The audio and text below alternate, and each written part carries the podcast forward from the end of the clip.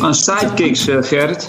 Oh nee, dat heet, zo heet het. Ik was het vergeten. Het heet sidekicks. Jullie moeten dus ook allemaal ongelooflijke melige grappen maken. Heel hard lachen en Frank de Boer nadoen. Zo, dat soort dingen. Ja, dat, is een, dat is een entourage. Sepp heeft een hele goede Frank de Boer in huis hoor. Dus je loopt vast omdat je dan één plaatje helemaal hebt uitgewerkt. En dan blijkt dat plaatje eigenlijk in je plot helemaal nergens op te slaan. maar ja, dan is het al helemaal af. En toen heb ik het volgende gedaan. Toen heb ik de eerste volgende keer heb ik een halve strip ingeleverd. Dus toen belt hij op zegt ja, er is iets mis met je strip. Ik zeg, wat is er mis dan? Ik zeg, ja, er zijn maar twee stroken. zeg, maar je betaalt toch voor twee stroken? Het is toch voor de helft van het geld? Dus dan krijg je een halve strip. Ik was met een vriendinnetje bij haar ouders thuis en die ouders waren er niet. En wij lagen op de bank. Ik zal verder niet in details treden. En ik kan me nog herinneren dat, uh, dat ik wel even opkeek en dacht: uh, oh, dit is wel een goede song.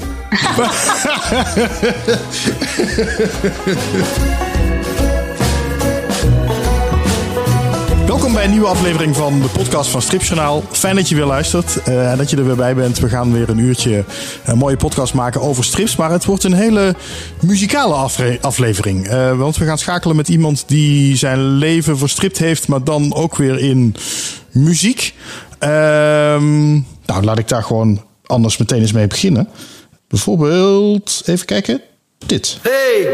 Nee, deze wilde ik niet. Want die komt straks. Daar gaan we alweer, hè? Ik moet even kijken waar die nou zat. Het was wel het echte begin van alles. Maar... Ja, dat was wel een mooie, hè? De, waar had ik hem nou gezet? De, ah. Nee! Ik heb allemaal verkeerde muziekjes erin. Oh, dit ben, ben ik gewoon vergeten. Maar Shit. ik moet zeggen dat ik, uh, ik mag, als ik even mag mee bemoeien. Nou, doe maar. Ik voel me nu al helemaal beschaamd. Welk liedje? Uh, Misschien kunnen wij het zingen voor je, Robin. Nee, ik vond het, uh, ik vond het erg goed klinken uh, als eerste nummer. Dat, hey. Nou, deze. Hey! Hey! Hey! Kom van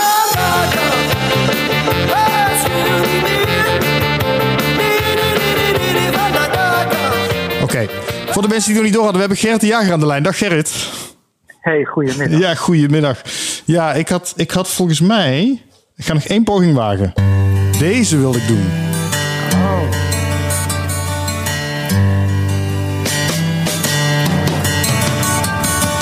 He had white horses and ladies by the score.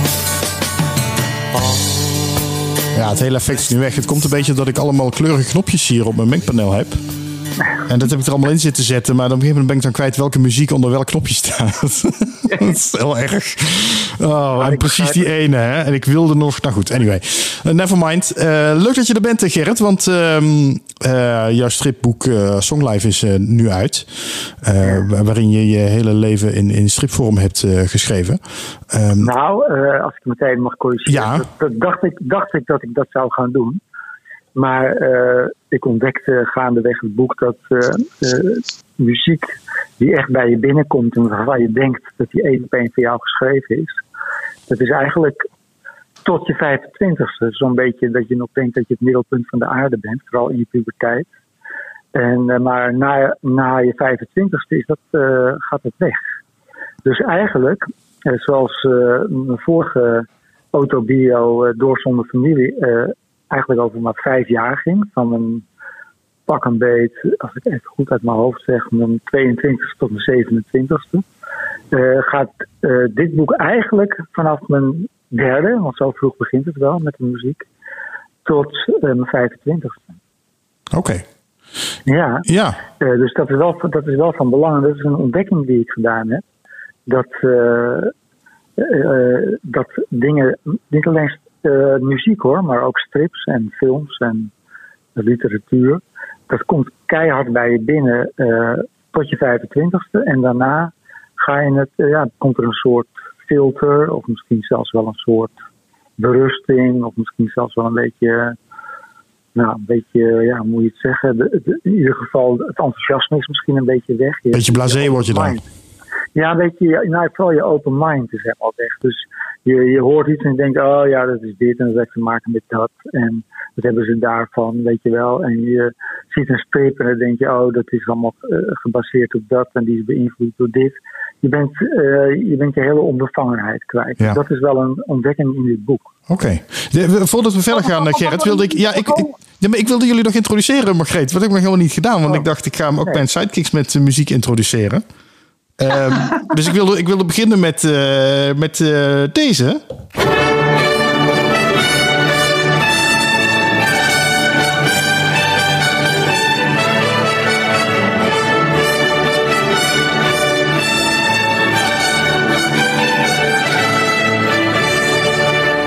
Ja, dat kan er maar eentje zijn. Dat is voor Margreet de Heer. Die is voor Ja, mij, die is voor mij. Ja. Eurovisie Met mijn Songfestival festival en natuurlijk. stripsalbum wat net uit is. Ja, ik, eh, Hoe is het met je, Margreet? Want de vorige keer was, was je nog heel erg veel door corona. Ja, nou, ik leef nog. Of ik leef weer. In elk geval. Dat, eh, nadat ik eh, ook nog eh, mijn man heb aangestoken ondertussen. Maar die leeft ook nog. Of weer. Dus Ja, we die zijn heeft er ook nog doorheen. even corona gehad. Ja, het- was hier echt eh, even heel eh ziekenboeg. Ik ben blij dat je weer bent, Margreet. We hebben je gemist. Nou, dat vind ik heel fijn om te horen. En, en hoe ben je... Jij leeft helemaal, zo- helemaal naar het Songfestival toe nu natuurlijk. Ja, dus, want we hebben, dat is nog de- vanaf het moment van opname nog anderhalve week eh, om dat boek te verkopen. Het eh, Songfestival en stripsalbum, wat ik samen met Dolly Bellefleur heb samengesteld en eh, getekend. En dus, eh, nou ja, maar los daarvan vind ik natuurlijk het hele Songfestival gebeuren ook erg leuk. En het is ook wel heel bijzonder dat het nou eh, een van de eerste evenementen is die weer met publiek door kan gaan. Dus er hangt van alles feestelijks omheen. En ik, eh, ik klamp, klamp me er lekker aan vast op mijn herstellende golf. En ga je er naartoe ook? Zit je in het publiek? Nee. Nee, kom op, zeg. Veel te druk als buitenlander. nou, die buitenlanders kunnen niet komen, denk ik. Ja, ja, maar de, de, Nou, de zangers zijn allemaal buiten. Ja, die wel. Die wel. Op het podium wel. Ehm, Nee, het was hartstikke gezellig, maar ik ga nog niet naar een groot evenement. Nee. ik moest een beetje zoeken naar een muziekje dat eh, bij Sepp past. Ik eh, kwam op deze uit, Sepp. Opzij, opzij, opzij. Maak plaats, maak plaats, maak plaats. Wij hebben ongelofelijke haast. Opzij, opzij, opzij. Want wij zijn haast te laat. We hebben Zo altijd bezig en druk. En eh, dat vond ik wel een beetje bij jou passen. Ik hoor, ik hoor Gerrit al instemmend ja zeggen. Zeker, ja. Dat is, ik, ik denk voortaan als ik Sepp aan de lijn krijg, dat ik dit meteen hoor. Misschien zet ik het wel, eh, zeg maar, als... eh, weet je, je hebt toch zo'n ringtone als iemand belt die je kunt speciaal deze eventjes doen. Dan weet ik ook van, oh, die moet ik niet opnemen. Die moet je niet opnemen of nu opnemen. Nee, niet. Niet, nee, ja, inderdaad. Nou, Sepp, je staat er goed op bij de tekenaars. Ah joh, het is verschrikkelijk. Maar de, nee, ik vind het mooi gekozen, eh, Robin. Ja, echt goed. Echt goed. Ik vind het echt heel erg bij Sepp passen, dit. Ik was, ik, was, bij- ik was bang dat je Pepi en Kokkie zou doen. Maar dat is, eh, Ik heb nog wel serieus over Laura en Haldi nagedacht, maar die vond ik een beetje eh, te cliché. Ja, maar wie is dan, eh, wie, maar wie is dan de, de dikke en wie is de dunne? Ja, dat is ook nog de vraag. We zijn niet allebei heel dik, Sepp, gelukkig. Dus. ja, op televisie ben je altijd dik, hè? Oh ja, dat wel. Ja, word je gecomprimeerd, word je daar, hè? Ja. Ja, precies. Nou, tot zover deze briljante intro. Nou, en wat muziekje past bij jou, eh, Robin? Ja, daar was ik al bang voor dat jullie dat zouden gaan vragen. nou ja, ik heb dus eh, eh, afgelopen week, vorige week, heb ik ingevallen bij eh, L1, de, de regionale omroep, als presentator. En er zit altijd een item in, in het nieuwsprogramma, ook nog in de ochtend. Maar er zit altijd wel een item in dat luisteraars een, pla- een plaat mogen aanvragen. En dan binnen een bepaald thema. En toen werd aan mij gevraagd wat ik dan als thema wil, omdat het mijn eerste uitzending was. Ja, dan moet je vooral bij mij komen. Dan zeg ik gewoon hoe fouter, hoe beter. En toen werd het uiteindelijk, dus dat is mijn zeg maar verdienste op de regionale omroep in Limburg.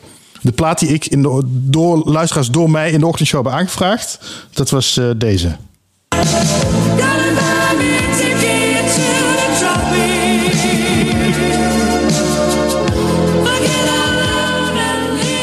En ik kan niet zeggen dat ik er heel erg trots op ben eigenlijk.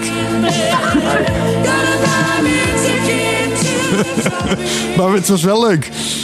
Maar is dat eh, met het idee dat Limburg zo zuidelijk eh, ligt, dat jullie dat eigenlijk al eh, die limbo's dat al de tropics noemen. Is dat eh, een beetje... het- Ja, misschien moeten we dat er maar van maken. Nou, als het Limburg zou zijn, dan hadden we eh, een, een, een, een, Beppie Kraft of een Frans Teunis of zo moeten hebben. Nou ja, als je niet weet wie dat zijn, moet je maar even googlen. Hele leuke Ja, Limburgse Gerard- muziek. Ger- Ger- Gerard Reinders, Ja, Ger, Ger Reinders, ja, nou dan kom je in een iets serieuzere hoek. Dat is ook heel mooi. Zeker. Ja, maar ik ging voor eh, hoe fouter, hoe beter. En toen kwam dit eruit. ik kan het ook niet helpen.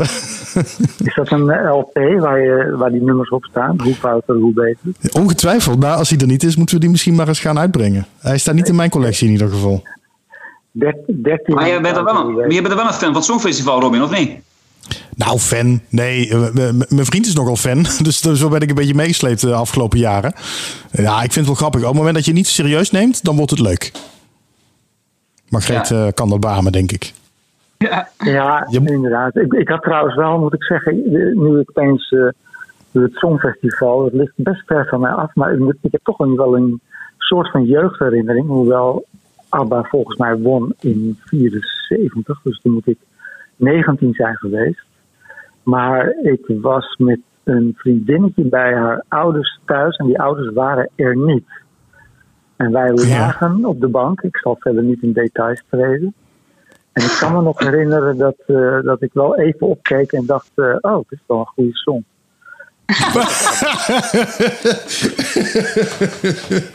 Maar, eh, Gerrit, staat dat ook niet in jouw boek nu? Volgens mij staat dat in je boek. Nee, nee het staat er Niet? niet in. Het staat, Abba komt er wel in voor, maar eh, heel, heel, heel, heel erg zijdelings.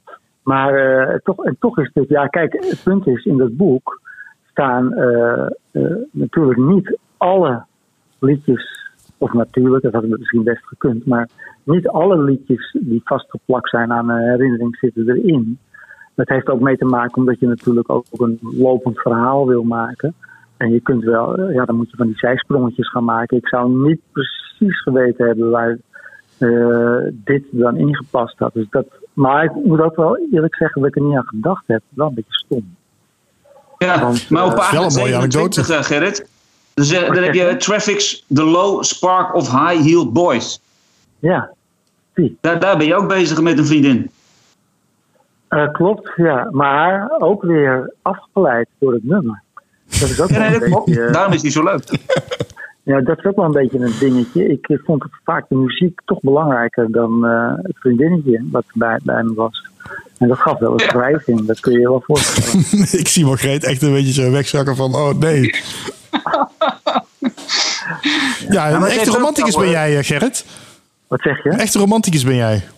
Ja, nee, zeker. Maar ik, ik ben echt een enorme romanticus. Ik nam, ik nam ook, eh, ik nam ook eh, de liefde veel te serieus toen ik jong was. Dat staat ook in het boek. Ik, eh, ik dacht dat ieder, ieder meisje waar ik mee was, dat dat forever was. En dan eh, op maandag vonden ze dan nog geweldig. En dan kwam eh, dinsdag kwam Tuesday Heartbreak, nummer van Stevie Wonder. En ik, kon, ik begreep helemaal niet hoe, hoe dat kon. Weet je wel, het is een beetje net als dat je vader en je moeder van je houden. En dat zal altijd zo blijven. Dacht ik meteen van, nou, zij houdt van mij, dus dat zal altijd zo blijven. Ik kon gewoon niet me voorstellen dat het zomaar opeens ophield. Dus eh, in die zin was ik, een, ik nam het allemaal veel te serieus. Dus, maar dat is natuurlijk wel typisch iets van een romanticus. Ja. en en eh, we begonnen al een beetje met, eh, met, met, het, met het boek. Ehm, waarom heb je, waarom heb je de, je, je, je muziek. Ah, ik loop helemaal vast. Hoe, hoe wil ik het nou zeggen? Waarom heb je ervoor gekozen om muziek te verstrippen, om het zo maar te zeggen? Eh, nou, dat heb ik niet gedaan. Ik heb niet muziek verstript. Ja, nee, ik, zat- daarom zat ik een beetje te zoeken naar woorden. Ik wist even niet goed hoe ik het moest uitleggen. Nee, dat, dat is wel wat we gedaan hebben met Strips in Stereo. Dat was heel letterlijk nummers verstrippen. Maar eh, nee, dat is het eigenlijk helemaal niet. Het is, eh, het is eh, eh, dus waar het boek over gaat, is hoe liedjes zit, zitten vastgeplakt aan herinneringen die je hebt. En ook eh, als er bijvoorbeeld op een gegeven moment je weer in een bepaalde situatie bent, of je je iets herinnert, dan gaat er een luikje in je, in je hoofd open als, als in een jukebox en dan komt dat nummer opeens weer tevoorschijn. En ik heb dus nu in het AD, het is eh, vrijdag de laatste aflevering, heb ik nu anderhalve maand hebben we dus lezers gevraagd om hun liedje met hun herinnering in te sturen. Ja. Nou, daaruit blijkt wel dat ik met mijn boek in de roos geschoten heb. Want ze, krijgen, ze krijgen, ze hebben wel verteld, als je zo'n oproep doet, dan krijg je 10, 15 mensen die iets insturen. Maar dit was een stortvloed, jongen. Het was gewoon echt niet te geloven. Heel veel mensen hebben dit. En eh, er zaten hele. Nou, de meeste verhalen waren eigenlijk eh, niet eens zo grappig. Het was meestal. eh, meestal hebben mensen toch een, een dramatisch liedje wat ergens aan vastgeplakt zat. Er zaten wel een paar hele grappige bij. Maar ook, eh, ik heb er gisteren eentje gemaakt, die was echt eh, dramatisch. Dat ging echt over een ziek kind. Ja. En een liedje wat daarbij hoort voor de ouders. Dus ik heb, eh, ik heb op een knopje gedrukt en ik heb me ook echt iets op de hals gehaald. Ja, ik ben bijna blij dat het vrijdag afgelopen is. Want vrijdag doen we dan nog. ik heb dus nu elke maandag een, zo'n zo'n verhaal, liedje met verhaal gedaan. En maandag, of vrijdag doen we een selectie een stuk of acht of negen inzenders die, die, die, eh, ja, die het niet gehaald hebben, zou ik maar zeggen. En daar maak ik wel een illustratie bij. Maar eh, nee, dus het is, het is niet het verstrippen van liedjes. Het is echt de, de, de, het zijn de, de verhalen die bij liedjes horen. En Ja. dat, dat, ja, dat, dat zijn soms maar flarden uit nummers. Ja, het, het valt me ook op. Het het zijn meer inderdaad eh, geïllustreerde verhalen dan dat het nou strips zijn, inderdaad. Ja, ik heb eigenlijk eh, later pas een stripelement erin gebracht. Eh, om, ik had op een gegeven moment dus. eh, kijk, mannen kunnen verschrikkelijk leuteren over muziek. En met name oude mannen zoals ik. en ik gelukkig. Margreet klinkt ja. gezin- Wat zeg je? Ja, Ik zie ja. Margreet ja knikken. Ja, dat, dat, dat, vrouwen vinden dat verschrikkelijk. En ik leef in een gezin met vrouwen. Dus iedere keer als ik begin te vertellen dat ik de Who nog heb gezien in het concertgebouw van. In, eh, in, in het concertgebouw met de, de première van Tommy. En dan zegt mijn vrouw altijd: zijn we al in 1964? en dan wordt- er een wenkbrauw omhoog. En, en dus ik heb mijn puberdochter, met wie ik overigens wel veel over muziek praat. eh, en die mij ook haar muziek laat horen in de auto. Wat verfrissend is, kan ik vertellen. Heb ik als een soort kritisch personage Ja. heb ik die in het boek eh, geïntroduceerd. En dat heb ik in stripvorm gedaan. En ik Ja. geloof dat dat goed breekt. Want eh, ik had op een gegeven moment was ik wel een beetje benauwd dat eh, het is allemaal handgeletterd met illustraties. Ja. En ik dacht op een gegeven moment van Jezus Mina, je moet wel op een gegeven moment een soort break hebben. Want eh, blijft de lezer dan wel lezen, weet je? Ja. ja, dat vind ik wel heel leuk. Je dochter India die, heeft daar inderdaad een prominente rol. En die, die, die belicht een beetje inderdaad die andere kant van joh, dat, gel- dat geleuter over muziek. Zo, hoe hoe Ja, bijzonder is het nou allemaal? Ja, we hebben een interview gegeven, eh, niet samen, maar ieder apart in het Parool vorige week. En eh, in, de, in de serie Ouder en Kind. En dan interviewen ze een kind over haar ouder, in dit geval de vader, en de vader over het kind. En nou, toen ze beneden zat met de journalisten, toen hoorde ik de journalisten echt plat liggen van het lachen. Dus ik maakte mijn borst al nat. Nou, ze maakt me in haar interview totaal af. In, in verband met mijn muziek dan, hè. Niet eh, over als vader. En als vader kwam ik behoorlijk goed vanaf. Maar eh, dat geleuter over muziek, ja, dat, eh, dat kan ze niet meer aanhoren. Maar Gerrit, heeft zij ook jouw boek al helemaal gelezen? Nou, dat durf ik niet te zeggen. Misschien heeft ze alleen maar de stripjes gelezen waar ze zelf in voorkomt. Maar je hebt haar is dus ook wel- gebruikt als uh, proeflezeres. Nee, mijn, mijn- mijn dochter die leest mijn werk nooit, behalve als ze voor mijn werk. Want ze kleurt mijn strips in. Niet Ja. allemaal, maar eh, eens in de week doet ze een sushi en af en toe eh, een paar cartoons van John. Als ik, als ik echt eh, omhoog zit en zij tijd heeft. Dat is de enige, enige keer dat ze mijn werk leest. En dan zonder commentaar. Ja. Nou, heel af en toe zegt ze wel eens van... Oh ja, deze is wel leuk. Nou, in, in, in, in- in het parool zei ze ook... eh, vroeger las ik Suus en Sas en de Tina. En Gerrit, Oh, Gerrit ja. vond het vervelend dat ik wel strips las, maar niet een van hem. Nee, dan zat ze dus te gieren omdat Suus en Sas. En dan zei ik, dit is nog een hele stomme strip. Heel, heel, heel, heel traditioneel getekend. Kijk nou eens wat je vader maakt. Moet je eens kijken hoe goed dat getekend is. En wat een geweldige grappen. Ja, boeien, zei hij. Nee, Suus en Sas. Dat was het Wat mij ook eh, opviel eh, in dat eh, interview, Gerrit. Want ik, ja, ik, ik ken jou een, een klein beetje. En, ik vind jou eigenlijk altijd wel neigen naar serieus. En, en, en soms ook misschien zelfs een beetje zwaarmoedig. Volgens je dochter ben je hartstikke opgewekt, vooral in de ochtend. En ook hartstikke Ja, lief. Je verbindt je vrouw en je kind heel erg. Dat vond ik heel leuk om te lezen. Ja, ik ben, ik ben niet zwaarmoedig, maar ik kan wel enorm zagrijnig zijn. Dat kan ik wel. Ja. En, en het, heeft meestal te maken als ik. eh, het heeft meestal te maken met het werk. En dan niet zozeer met, met het werk aan zich, maar met de hoeveelheid werk. En, eh, en, en vooral het, eh, wat me vooral heel erg zagrijnig maakt, dat is eh, het regelen. Al- Alles wat Sepp dus leuk vindt, zeg maar. Dat, dat, dat, dat haat ik. En, en dat, ik heb het natuurlijk moeten doen al die tijd. En zeker vroeger, want toen had ik echt een, een bedrijf met mensen die voor me werkten. Maar ik, ik, was daar diep ongelukkig onder. En ik ben, geloof ik al twintig jaar zagrijnig geweest. En het is pas de laatste tijd, eigenlijk sinds India er is. Want toen, heb ik, toen India kwam, toen heb ik het, eh, in 2002 was dat, toen heb ik een paar jaar later heb ik het eh, roer omgegooid. En heb ik eh, mijn bedrijfje opgedoekt. En toen ben ik eigenlijk vooral voor haar gaan zorgen. Ik ben vooral... eh, ik heb eigenlijk, eh, mijn vrouw die had mijn, eh, mijn zaak helemaal opgezet en die heeft heel lang mijn, mijn zaken gedaan. En nou, nu was zij eens een keertje aan de beurt om iets met haar loopbaan te doen. En toen heb ik, mm, nou niet op een laag pitje, ik ben wel flink blijven doortekenen zoals je gemerkt hebt. Maar ik, ik ben wel, ik, ik heb gewoon heel veel tijd ingeruimd voor mijn dochter. En daar ben ik ongelooflijk blij van geworden. En eh, ik, ben, ik ben ook mijn zagrijn kwijtgeraakt. Eh, en, en dat was eigenlijk, je hebt het dan niet door, maar het- ik was chronisch zagrijnig. Echt leuk voor de mensen thuis ook. En ondertussen maar grappen maken in je strips. Nou ja, dat is natuurlijk wat. eh, ja, dat, dat gaat gewoon door. Hè. Je kunt ook je ouders verliezen en, en, en andere erge dingen meemaken. En dan, en dan de volgende dag weer een cartoon maken. En, een- en, een, eh, en een grap voor zusje of toen nog de familie Doorzon. Dat, eh, ja, ik heb zelfs een, eh, toen mijn vader overleed, heb ik zelfs, ik geloof in, de, in dat is in het album Doodzonde van, van de familie Doorzon, heb ik een stuk of tien begrafenisgrappen gemaakt. kan heel erg opluchtend zijn, kan ik vertellen. Ja, dat was dan ook je manier om het te verwerken eigenlijk. Ja, inderdaad. Dus, da- dus, dus dat. ik weet nog wel dat Windig en Dion die gingen, stopten op een gegeven moment abrupt met hun eh, strip. Die gingen oude stroken inleveren omdat eh, een collega was overleden.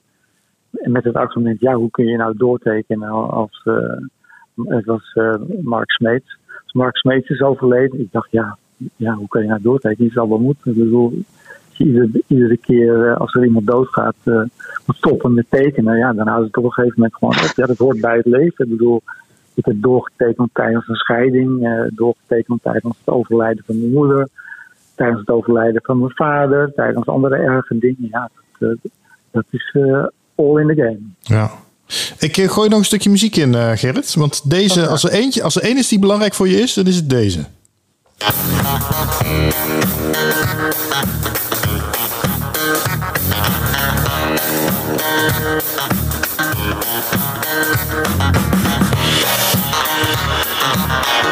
Oh, het is een langere intro dan ik dacht. Ik zit op de tekst te wachten. Very superstitious. Writings on the wall. Very superstitious. En dan, dan gaat het om het, zometeen de tekst aan het eind van het refrein, geloof ik vooral, hè? Ja, dat, ja, dat duurt nog wel even. 13 Nou ja, dan moet je misschien maar gewoon... Nou, dit is eh, Stevie Wonder. Voor de mensen die het niet herkend hadden. Waarom juist deze?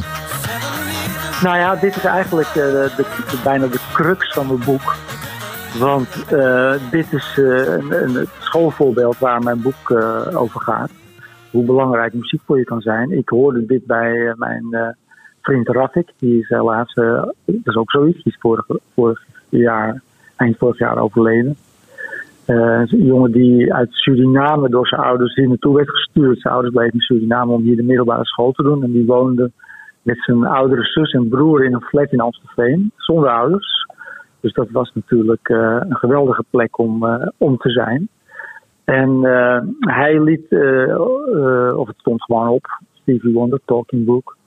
En op een gegeven moment kwam dit nummer. En toen, ja, eerst was ik verpletterd door het geluid. Want ja, nu ben je alles gewend aan geluid. Maar die, deze, deze sound, van, met het, dat, die, dat toetsinstrument heet de klavinet. Dat, is een, eh, dat had ik nog nooit gehoord. Dat, dat was toen nieuw en dat was verpletterend, muzikaal vond ik.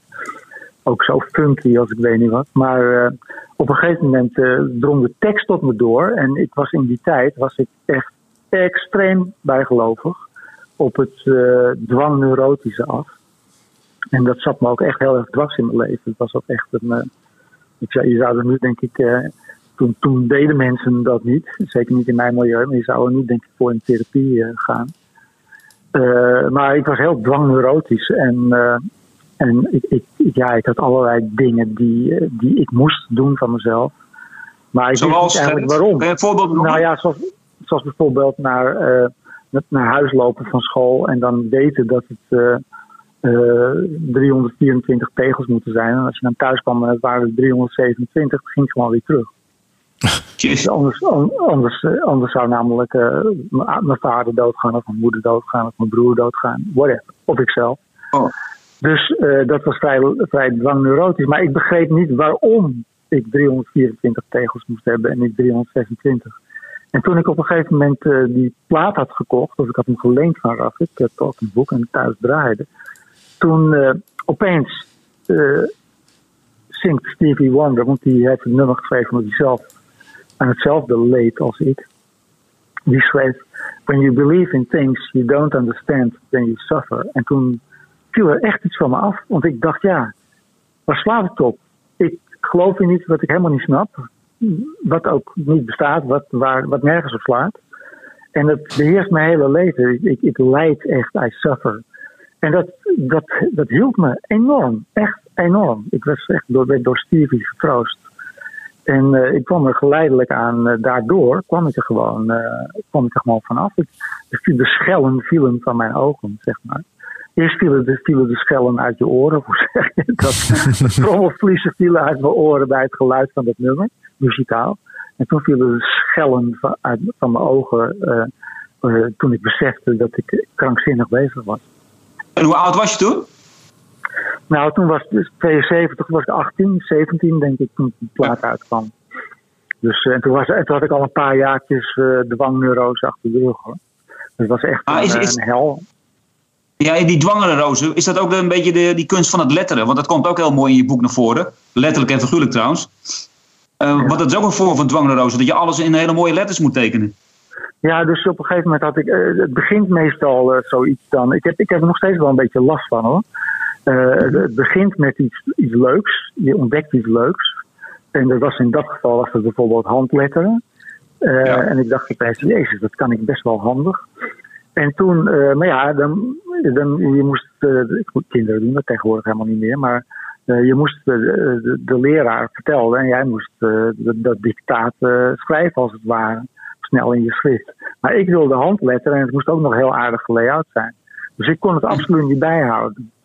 Maar ik was niet eraf vanaf te krijgen om dan, eh, omdat ik eenmaal in mijn schrift een nieuwe schriftje was begonnen met handletteren in een mooie kolom. Ik was er niet vanaf te brengen om dan opeens weer met hanenpoten ernaast te gaan zitten schrijven. Dus op een gegeven moment ga je daaronder lijden. Dus dan is het niet meer leuk letteren. Dan denk je, ik moet dit letteren, ik moet dit letteren, ik moet dit letteren, ik moet dit letteren. En alles loopt natuurlijk verschrikkelijk in de soep. En ik heb dat tegenwoordig ook nog wel eens. Als ik bijvoorbeeld een, eh, heb ik een nieuwe methode van iedere keer om mezelf niet te vervelen, eh, pak ik een tekening anders aan of een strip. Dan doe ik het weer. eh, dan ga ik eh, eerst het eerste plaatje helemaal afwerken en dan begin ik aan het tweede plaatje. Dan ga ik weer alleen maar alles uitschetsen. Nou goed, anyway, iedere keer verzin ik hier iets anders. Anders ga ik me vervelen. En dan is het de eerste tijd is dat leuk. Dan denk ik, god, dat, dat, moet ik, dat ga ik voortaan altijd doen. Alleen maar het i- een plaatje helemaal uitwerken en dan pas aan het volgende plaatje. Ja, dan loop je vast, want het werkt te langzaam.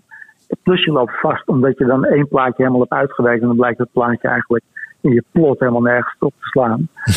Maar ja, dan is het al helemaal af. Dus dan denk je, Jezus Christus, nou dan, dan laat ik met dat kutplaatje eh, de strip afmaken. Dus dan wordt het niet meer leuk, begrijp je? Dus ik, eh, het het is een, eh, het is een, een- ja, het is, het is een eh, roze. eh, die ook zo ver gaat als het inrichten van de afwasmachine, bij wijze van spreken. En eh, ja, ik heb ermee leren leven en ik, zoals begrijpt- hoort, kan ik er ook om lachen. Ik zou moe worden van mezelf, eerlijk gezegd, als ik dit zo hoor. Wat zeg je? Ik zou moe worden van mezelf in jouw geval. Nee, daar word je ook, nee, daar word je hartstikke moe van. Echt, daar word je heel moe van. Omdat je. ik heb ook bijvoorbeeld.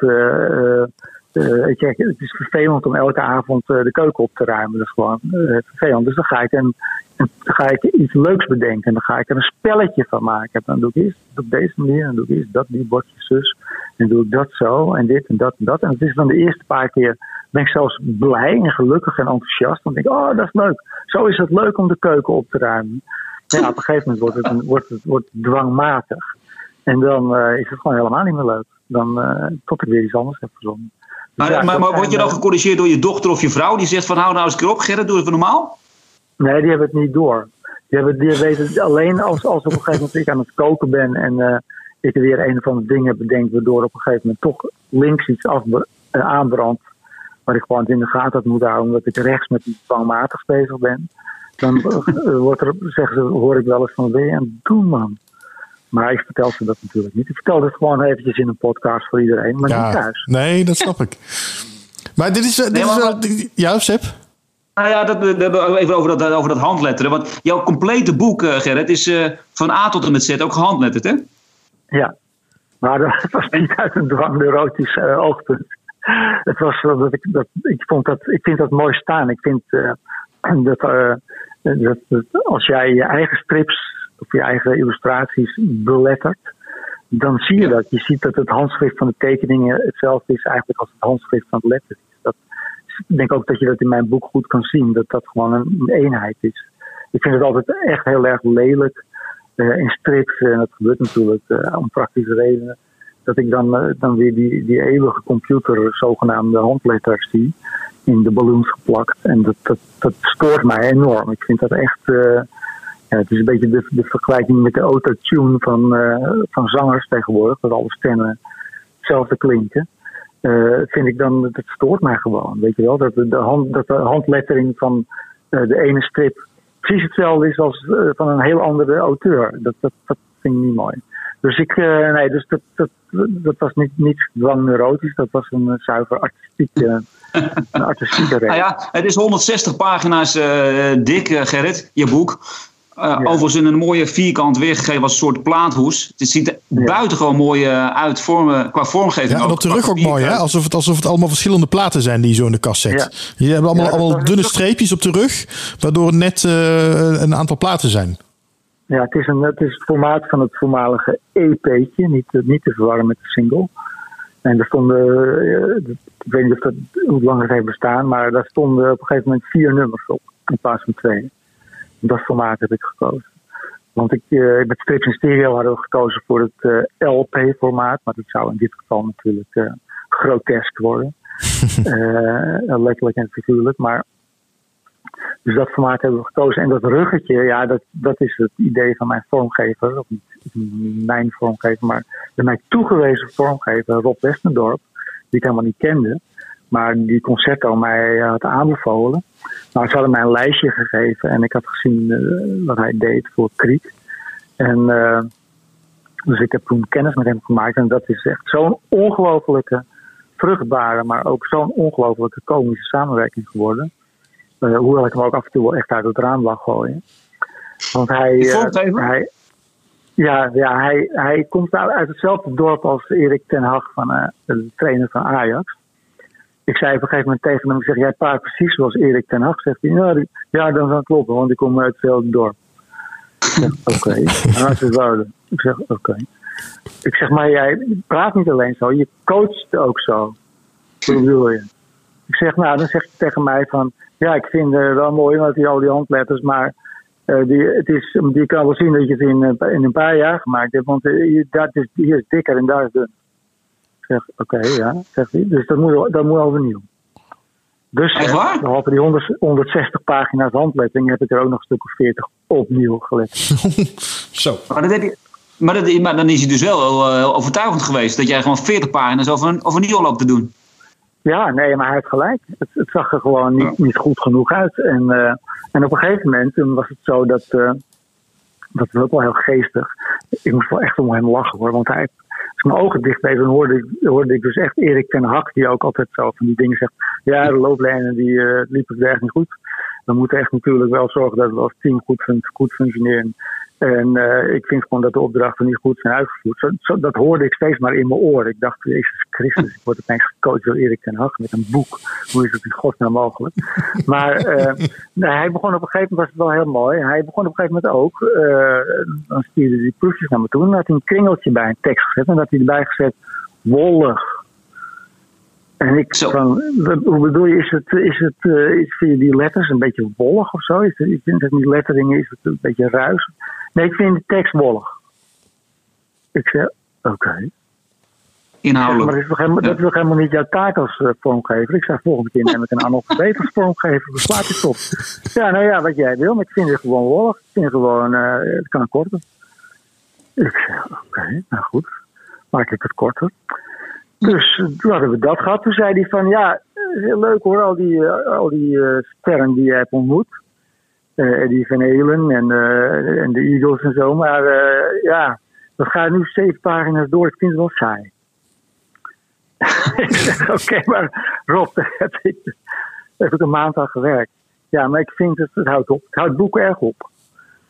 Oké, Erik, Erik, zei ik, dan gaat, dan, gaat deze uit de selectie. En verkopen we door naar een andere club. En eruit maar.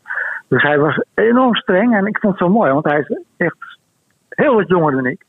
Maar hij had totaal geen, eh, geen eh, achting, of hoe zou ik het zeggen, geen bewondering voor, voor mijn staat van dienst. maar hij was En je echt. omdat hij gelijk had dus. ja, nee, hij had hartstikke gelijk. Hij had echt vreselijk gelijk. En, eh, en ja, de eerste dat zeg ik natuurlijk niet meteen. De eerste, de eerste reactie is altijd, ja, ben je, ben je helemaal ben jij gek geworden? Dat zal lekker worden, zeg. 30 pagina's een nieuw letter. Dat ga ik echt niet doen. Maar goed, uiteindelijk heb ik het toch allemaal gedaan. Maar, eh, nou, maar ik heb ook zo verschrikkelijk met die gozer gelachen. Maar hij kwam dus op dat idee van dat ruggetje. En als je het Ja. ruggetje ook leest, hij heeft al die fake eh, LP-namen bedacht. Want eh, ik, ik had een, eh, ik had een, een, een, on, een, een, zeg maar een lang, langlopende, nee, hoe zeg je dat? Een langslopende grap met hem. Wij maakten van alle namen eh, die, die ter sprake kwamen tijdens ons werk, maakten we eh anagrammen. En eh, hij had voor mij ook als in de eerste versie van het boek, in de, de, eerste, de eerste versie die ik moest controleren, had hij mijn naam veranderd in Terry D. Jagger. Dat is een anagram van Gerrit Jager. en zo zijn we echt. nou, ik, ik heb echt een, ik heb een gouden vent ontmoet. Echt, het is een, het is een, een eh, neuroot, maar, eh, een, eh, maar een echte goede coach, zal ik maar zeggen. Ja, het levert wel iets heel bijzonders op. Dus inderdaad Nee, ook met... ja, absoluut. Wat is je... je noemde net al even hè, wat artiesten die je hebt ontmoet en zo. Wat, wat is je, je muzikale hoogtepunt? Nou, mijn muzikale hoogtepunt is dat ik op een gegeven moment. dat mijn, mijn vrouw die zat, die zat het nieuws te lezen en die las dat. Er is een, er is een band uit de jaren. Ja, nu wordt het dus geleuter, hè? eh Margreet? Ja, Je kunt, je, je kunt even. Neem anders een kopje koffie of laat, eh, laat de hond even uit of zo. Ik schakel even uit. eh, ja. Eh, in, de, in de jaren, eh, eind jaren 60 had je de allereerste supergroup en dat was Blind Faith.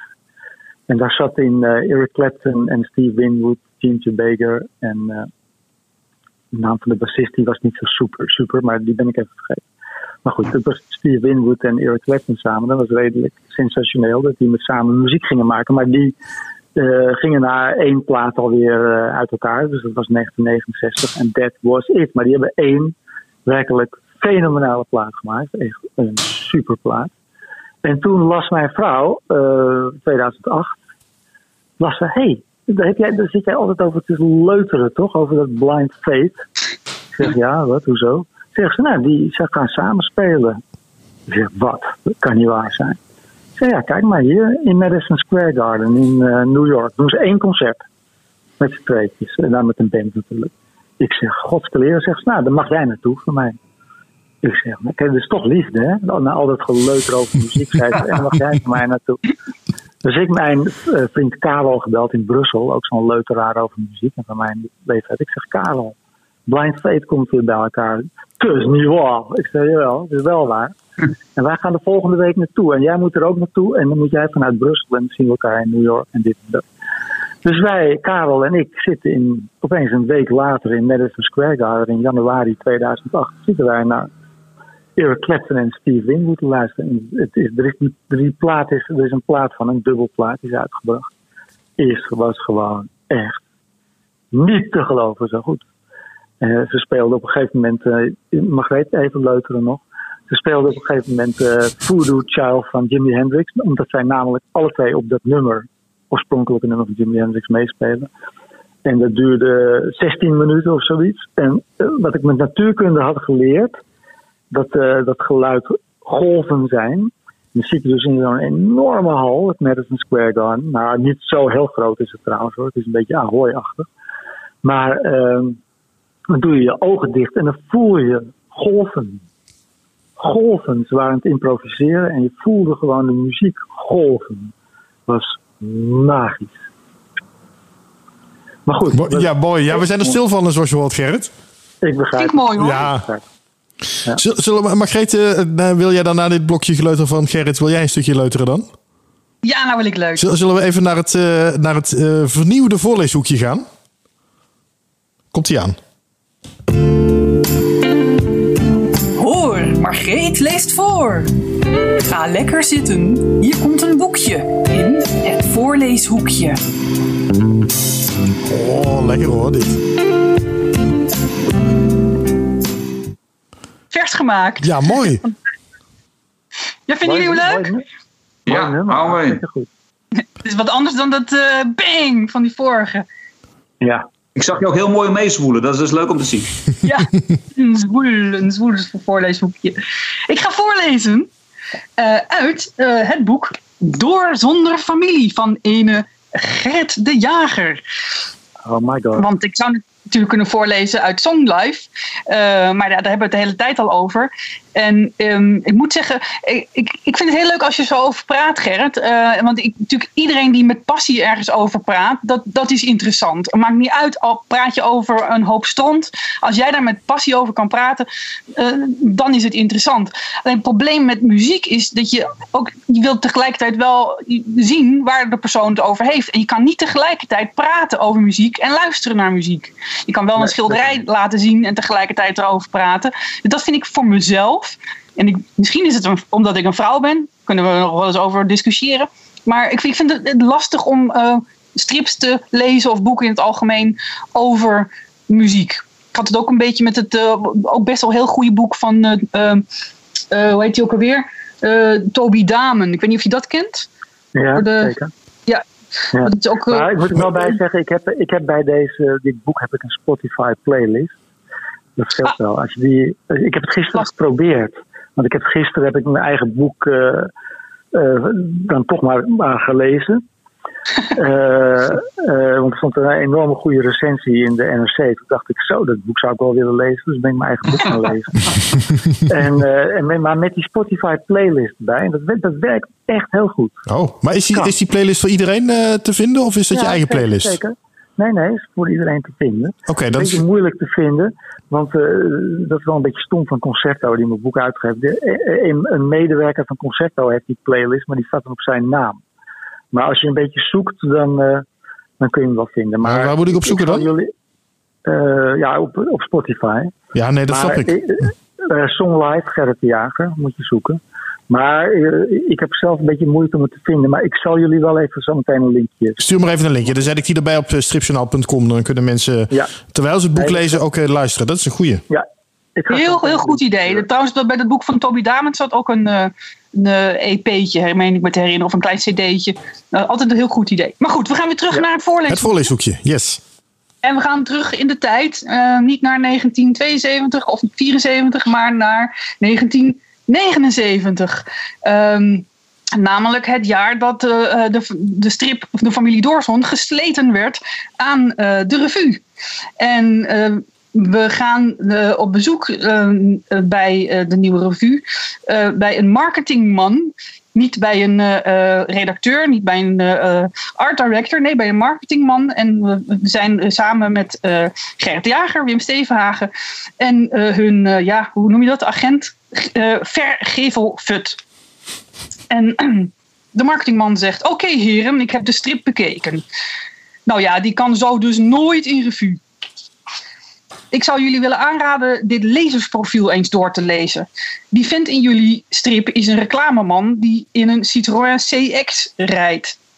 De gemiddelde revuelezer is 35 jaar, heeft een sufbaantje, een Japanner onder zijn kont, tweedehands en een staakerven. Ook goed, zegt Gerrit de Jager meteen. Kan ook. Maar Wim Stevenhagen komt er dus door. Die strip gaat ook niet over de gemiddelde revuelezer. Ze zijn toch ook niet Asterix gaan tekenen omdat de lezers van Pilot everzwijnen etende Galliërs uit een klein dorpje waren? Vervolgens eh, zijn we iets verder en lopen Gerrit en Wim buiten. En zegt Gerrit tegen Wim: Waarom moest je dat nou weer zeggen, man? Ik had toch gelijk, zegt Wim. Dit gezeik krijg je nou als je je werk met een marketingman bespreekt. Kan wel wezen, Wim, maar we kunnen het geld goed gebruiken. Ik verdien genoeg, zegt Wim. Ja, jij zit er misschien warmpjes bij in je flat in de Bijlmer die geen reet kost, zegt Gerrit. Maar ik heb een vrouw en een kind en een hypotheek. Dat is toch jouw eigen keuze, zegt Wim. Zucht, hoe kom je erbij, zegt Gerrit. En hoe, als je wil weten hoe het verder gaat met de vrouw en de kind en de hypotheek van Gerrit Jager, dan moet je dit geweldige boek Door zonder familie lezen. Nog dikker eh, dan Song Live. Ja. 54 pagina's. Het is, het is echt een aanrader hoor. Ja, ik, nu jij hem zo voorleest, denk ik, oh, die moet ik weer eens gaan lezen. Want het is al eh, een jaar of tien geleden tenminste. Ja, toen die uitgekomen is, heb ik hem gelezen. En ik heb hem hier eh, ook in de kast staan. En eh, ja, het wordt tijd om die er weer eens bij te pakken. Hoe kijk je er zelf op terug, Gerrit? Op, want dit was natuurlijk ook best wel een, ehm, een, een heel open boek... waarin je ook afrekende met een aantal dingen uit je verleden. Ja, ja het, was, het, was, het, was, het was echt een rare. Hoe dat ontstond was een beetje gek. Want eh, ik had blijkbaar. eh, nou, eigenlijk, ik weet nog wel hoe het ontstond. Want die hele verhalen over eh Gerrit van Wilsten, Vergeven En over hoe Wim en ik uit elkaar gingen en wat er allemaal gebeurde. Wat voor heftigs en, en ook soms wel hilarische dingen er allemaal gebeurden in die begintijd van Doorzon. Dat zat in mijn eh anekdote-repertoire. En ik dacht van ja, mensen worden dus langzamerhand een beetje. Nou, niet. Mensen die ik nieuw tegenkwam vonden het allemaal geweldig verhalen. Maar met name mijn vrouw moest het natuurlijk iedere keer ook weer aanhoren. Dus die zei een keer in de auto, nou wil ik dat verhaal van, die, van Ger van nooit meer horen hoor. Dat is doodziek. En Toen dacht ik, weet je wat ik doe? Ik ga gewoon al mijn anekdotes, eh, die ga ik gewoon een keertje eh, verstrippen. En dan kan ik dat gewoon aan iedereen geven en dan kan ik voortaan gewoon, eh wat mijn vrouw naar snakkete, gewoon niet meer van die verhalen over vroeger. En gewoon eens een keertje eh, over nu eh, praten en zo. Dus dat was eigenlijk het hele uitgangspunt. Dus, eh, maar ik begon Ja. gewoon met, ik dacht van nou, ik begin gewoon met, met hoe de familie Doorsen is ontstaan. En inderdaad, dat, dat verhaal dat we bij die marketingman waren, die overigens Auke Visser heette. En die mij ook uiteindelijk, uiteindelijk na 30 jaar, ja je gelooft het niet, dezelfde Auke Visser was toen de CEO van eh, Sanoma, mij eruit gegooid heeft. Oh, Wow. Ja, over de cirkel rond. Ja, over Ja? een hele. Ja, ik, ik had het zelf. Ik, had het, ik, ik bedoel, ik wilde eruit gegooid worden. Maar eh Auke die heeft, eh, heeft zeg maar echt eh, de, de guillotine laten vallen over, op de familie Doorzon. Ik heb later nog met hem een heel gezellig kopje koffie over gedronken hoor, overigens. Maar ik had, het- ik had het er echt naar gemaakt. Ik had mezelf onmogelijk gemaakt bij, bij Nieuw Revue. En eh, we hadden een, een gesprek met de hoofd, toenmalige hoofdredacteur. Een van de 24 hoofdredacteuren die ik heb eh, langs zien komen. En deze zat er geloof ik ook 2,5 week of zoiets. Maar precies in die 2,5 week. Hoe eh, maak je kreeg ik- jezelf onmogelijk eh, dan, Gerrit? Hoe doe je dat? Oh, nou, ja, ik weet niet, ja, ik weet niet, wie- duurt dit twee uur deze podcast of drie uur? Ik weet het niet. nou we zitten er wel een beetje tegen het einde aan. Maar dan kom maar op hoor, met die anekdote. Het was zo dat op een gegeven moment belde deze, deze hoofdredacteur, ik zal zijn naam niet noemen, eh, een ongelofelijke eikel, die belde op. En die zei, eh Gerrit, eh, ja, het gaat heel slecht met het blad. En, en ja, we zitten echt een beetje in de problemen. Dus ik wilde je voorstellen om voor de helft van het geld te gaan werken. ik Wat heb zei, je niet gedaan? wat zeg je? Dat heb je niet gedaan. Ik zei van, eh, sorry, wat, wat, zeg het nog eens. Zegt hij, ja, nee, ja, voor de helft van het geld. En eh Gumba en eh Heinde Kort, die zijn al akkoord. Ik zei, oké, bijzonder. Ik zeg, ik, je, heb je enig idee, ja, jij zit er pas 2,5 week. Maar heb je enig idee wat de familie Doorzon voor het blad getekend heeft? Ja, nou ja, ja, ergens wel geloof ik. Hè. Ja, strips waren belangrijk. Hè. Ja, nogal. Ik zeg maar goed, ja. En als ik het niet doe, zegt hij ja, dan moeten we helaas eh, eh, afscheid nemen. Ik zei oké, eh, dus dan, dan lig ik eruit. Hij zegt ja, nou ja, het is, ja, het is maar wat je wil. Dus ik, maar het was voor mij een schok, want ik had het niet zien aankomen. En ja, ik deed het al 30 jaar. Dus ik dacht, jezus, wat zal, wat zal ik nou doen? En toen heb ik het volgende gedaan. Toen heb ik de eerste volgende keer heb ik een halve strip ingeleverd. Maar dus Ja, niet maar gewoon Ja. de bovenste twee stroken. Dus toen belt hij op en zegt hij, ja, er is iets mis met je strip. Ik zeg, wat is er mis dan? Zegt hij, ja, er zijn maar twee stroken. Ik zeg, maar je betaalt toch voor twee stroken? Ja, het is toch voor de helft van het geld, dus dan krijg je een halve strip. Godverdomme, ja, zo kunnen we niet wer- werken. Ik zeg, oh, nou, dat heb ik helemaal verkeerd begrepen. Sorry, nee, dan, dan, ja, nee, maar ja, ik begreep het dan niet, omdat je dan helemaal de grap mist. Als je, ja, ik kan ook de grap doen, maar dan weet je niet hoe de voorgeschiedenis is. Ja, wat wil je? Nee, maar dat gaat niet. Dit en dat. Dus toen moesten we naar Auke Visser, deze marketingman, die inmiddels directeur was van eh, CEO van eh, Sanema. En, eh, nou, die, ken ik al, die kende ik dus ook al 30 jaar en daar kan ik het heel goed mee vinden. Dus ja, Gerrit, hoe gaan we dat oplossen? Ik zei, nou ja, ik zei, weet je, ik ga niet een hele pagina maken voor de helft van het geld. Dus dat gaat niet gebeuren. Ik wil wel twee stroken maken. Maar ehm, ja, dan, dan, dat is gewoon niet een goed format, weet je wel. Eh, het is, het is, eh, je hebt of vier, vier stroken, dat is een one-shot. Of je hebt een dagstrook, één strook. Dus ik zeg, ik wil dus wel... Wat ik zal doen, ik zal één strook, daar kan ik heel goed mee uit de voeten. Ik zeg, maar voor dat geld... Ik zeg, ja, nee, voor, voor de helft van de prijs maak ik dan nu één strook. Want twee stroken is geen goed format. Gelul natuurlijk, want ik maak het grap van die strips. Maar het is zo de kleren in. Dus, oh, oh, oké, oké, oké, oké, één strook. Werd ik dus gebeld door Hein de Kort. Die zegt, jij bent ook een mooie. Jij krijgt nu dubbel betaald. dat had ik me niet gerealiseerd, maar het was wel zo. Ik ging niet van de helft van de prijs. Ging, ik ging namelijk voor één strookje kreeg ik nu twee keer zoveel betaald als vroeger. Als je begrijpt wat ik bedoel. Ja. Dus het was een belachelijke toestand. Ja, dat heb ik natuurlijk nog een maandje volgehouden. En toen moest ik bij Auker komen en die zei: Ja, eh, dit, eh, dit gaat niet werken. Hè? Dit, ik zeg: Nee, Auker, dit, eh, ik moest, ik zei, dit, is even, dit was even een soort, eh, eh, hoe zeg je dat? eh, een, een, een rouwproces. Eh, ik zeg: Dit gaat niet werken. Zullen we er maar, eh, zullen we er maar mee kappen? En zo ben ik er toen eh mee gestopt. En zo kwam familie Doorzon tot een einde. Ik kreeg toen nog een bedrag mee en eh, dat was het dan. Ja. Oh, Ik, ja, dat is dan, nou, dat dan weer wel. Ik, ik moet het uh, jouw volle zoekje nog even officieel afsluiten, Margreet. Dat was het weer. Tot de volgende keer bij het voorleeshoekje van Margreet de Heer.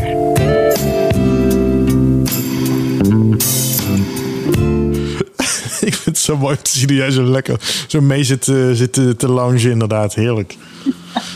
Goed gedaan, Margreet, deze mooie jingle. Um, ja, en, ik, en, ook dat je een strip kan voorlezen. Ik, uh, ik geef het je te doen. Ja, Margreet is daar heel goed in. Nou, ik heb er veel uit weggelaten, zoals jij natuurlijk uh, weet, Gerrit. Want je hebt je strip helemaal op je netvlies. Ik heb de helft van de dialogen niet voorgelezen, want dat, dat, dat werkte niet. Nee, ik, het, is, het is 2000, wat was het? 2013. Nee, dat heb ik niet meer op mijn netvlies hoor. Ik heb het boek nee? ook nooit meer gelezen. Nee, ik heb het boek daarna ook nooit meer gelezen. Maar, uh, dus, dat, nee, maar het boek is ook, dat boek is dit heel anders dan met uh, Songlight. Het boek is ook echt op papier gekwakt, dat kun je ook wel zien. Dus in een, vloek, een vloek en een scheet is dat gemaakt. Of zeg je dat? In een ja, en een scheet. Want het was eigenlijk je, je schetsversie, toch? En toen zei de uitgever van, uh, we gaan dit doen. Ja, die had ik niet. Die, dat was, een, dat was de bezige bij, die hadden geen verstand van strips. Die dachten dat dit het was. Maar ik had er gewoon 13 pagina's proloog ingeleverd in schetsvorm. Ja, dit gaan we doen. Ik zeg oké. Okay. Nee, zoals het is. Zoals het is. Ik zeg oh, oké. Okay. Dat was wel even slikken voor mij, want ik vond best. Uh, ik, ik, had best wel moeite met sommige passages, uh, artistiek gezien, laat ik het zo zeggen. Want ik dacht van ja, godverdomme, maar ja, ik, ik, ik, moest. Ik heb het dus. Het is een live album zeg maar.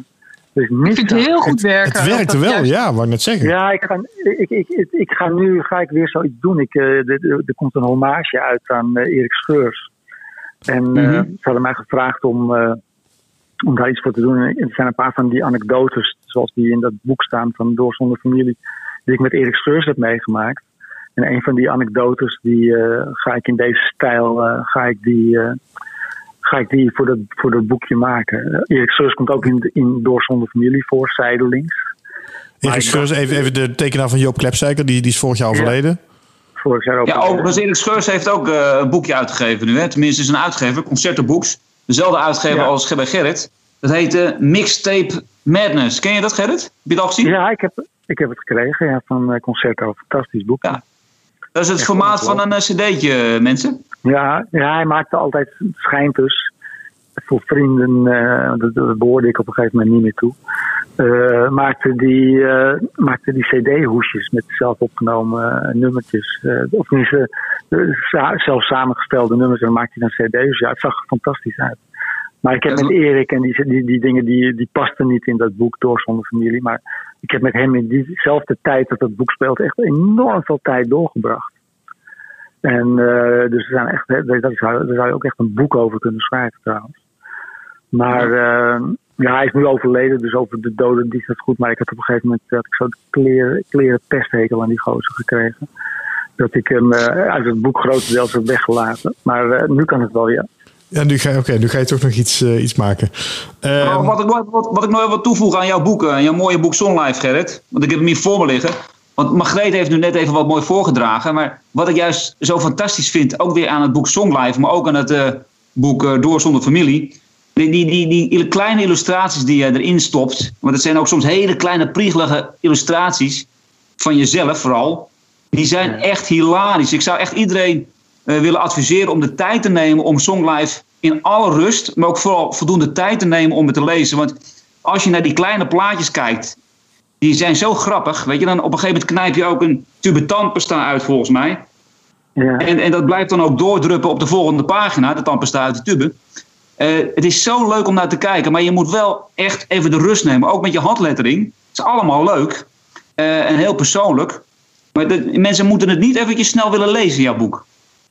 Nee, dat, dat hoop je natuurlijk van niet. Het is, het is trouwens wel heel grappig, omdat ik heel vaak dan hoor dat die tekeningen dan hilarisch zijn. Maar zo bedoel ik ze helemaal niet. het is, ja, ik wil natuurlijk wel dat ze goed en leuk overkomen, maar hilarisch is helemaal niet de bedoeling, weet je. Maar ik, lees, ik las dat ook in andere recensies. Ja. Dan denk ik van, ja, hilarisch, hilarisch, hilarisch. Ik, ik, ik ben net mijn tanden aan het poetsen en op een gegeven moment komt er een nummer door en ik, eh, van de schrik knijp ik in mijn, tand, in mijn, in mijn, in mijn tube tandpasta. Dat is wat ik hier teken. Maar ja, ik kan me wel voorstellen dat het er inderdaad eh, redelijk komisch uitziet. Maar ik, vind, ik ben altijd wel verbaasd. Nou, ik ben sowieso altijd wel, eh, dat is wel een beetje de story of my strip life. Ik heb me al- altijd heel erg verbaasd dat mensen het heel erg leuk vinden wat ik maak. Nou ja, maar ook bij een potloodje die breekt. Dat is ook zo grappig. Maar, en en die gezichtsuitdrukking, hè? als je inderdaad gewoon op een gegeven moment eh, met een vriendinnetje bezig bent. eh, en dat is dan niet eh, schaken of zo. Maar die, eh, eh, dan zie je het gezicht van dat meisje ook eh, kijken op een moment dat jij zegt: Oh, wauw. Weet je, en dan, want dan luister jij weer naar een muziekje. Ja, dat, dat zijn echt hele grappige dingen. Ja, ik was Ja, heel en- tevreden over toen ik gisteren mijn eigen boek las. Er zit één tekening in dat een, eh, een, een object van mijn liefde, een onbeantwoorde liefde, opeens bij mij eh, echt gebeurt. eh 25, 30 jaar later opeens op de stoep staat. En me dan in, in mijn armen valt. en eh, de, de, mijn gezichtsuitdrukking van die tekening, die moet je maar even opzoeken, die bevalt mij heel, heel, heel erg. Dat is echt, eh, dat is echt een heel. Dat vond ik nou echt een hele geslaagde tekening. Maar ja, dat zal Margreet ook goed weten. Het is vaak zo dat mensen denken heel vaak van, eh, en dat zal ook voor muzikanten eh, gelden, van jee, dit is goed, dat heeft hij heel goed in elkaar gezet. Maar heel vaak is het zo dat dingen per ongeluk heel erg goed uitpakken. Toch, Margreet? Ja. en de dingen waar je dan heel erg je best op doet en denkt van nou, dat gaat iedereen zien. Dat Dat, dat, Maar- daar hoor je nooit meer iemand. Nee, maar het is echt zo dat je, je bent aan het zomaar gewoon aan het tekenen. Je bent eigenlijk gewoon aan het werken. En je, en je, je gaat iets tekenen wat je al eh, honderdduizend keer getekend hebt. En opeens denk je, wow, shit.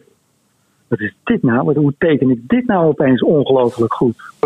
Maar Ja. mensen denken, mensen zullen misschien het idee hebben van, ah, dat is allemaal doordacht. En uh, eh of Margrethe Heer, eh, dit en dit zo. dan, dan is het natuurlijk helemaal doordacht hoe dat in beeld is gebracht. En hoe die figuren tegenover elkaar staan. En dat er die gezichtsuitdrukking die. Wat ik dus vaak bij muziek denk. Ik denk vaak bij muziek.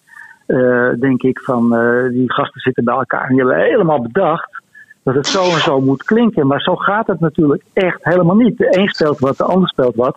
En het blijkt op een gegeven moment ongelooflijk goed samen te klinken. Maar dat is nooit van tevoren bedacht. Ja, ja mooi. En dat, Ja, en, en dat is met tekenen ook zo. de beste dingen ontstaan gewoon per ongeluk. Zo, zo is dat gewoon. Dat is echt eh, fascinerend inderdaad.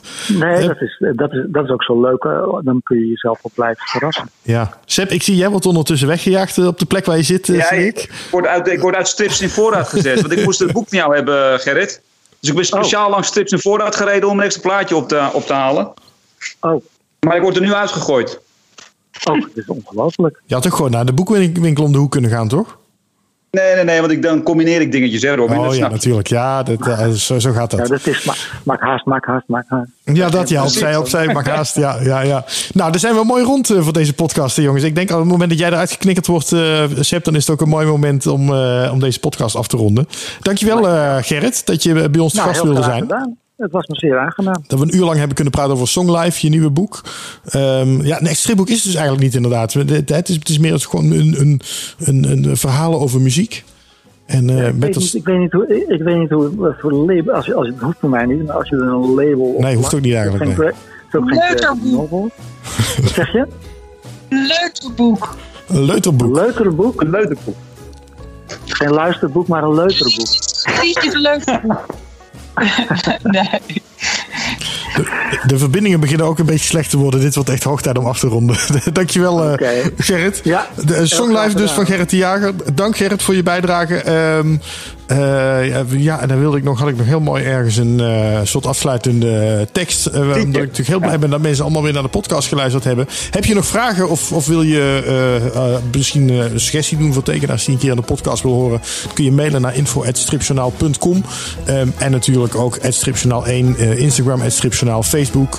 gewoon stripjournaal.com, de website. Daar kun je nog terecht, kun je vragen stellen. Kun je ons terugvinden. En dan zou ik zeggen, graag tot de volgende keer. Dankjewel. Doei. Dankjewel. Leuk verhaal. Gerrit, jou bedankt.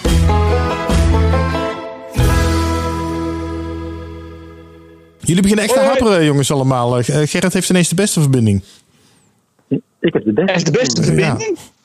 Ja, iPhone, iPhone SE, hè. Gewoon een oudje uit eh afdankertje van mijn afdankertje van mijn dochter van zeven jaar geleden. Die zijn onafvolgbaar goed.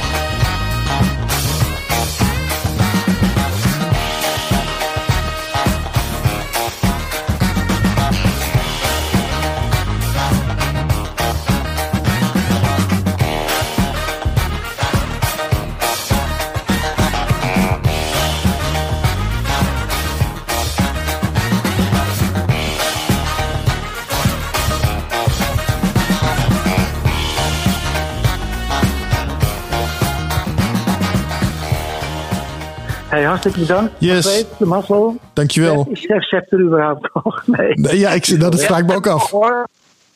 Ik ben, er ben bijna weg. Oké jongens, tot gauw. Oké, hoi. Hoi. Doei.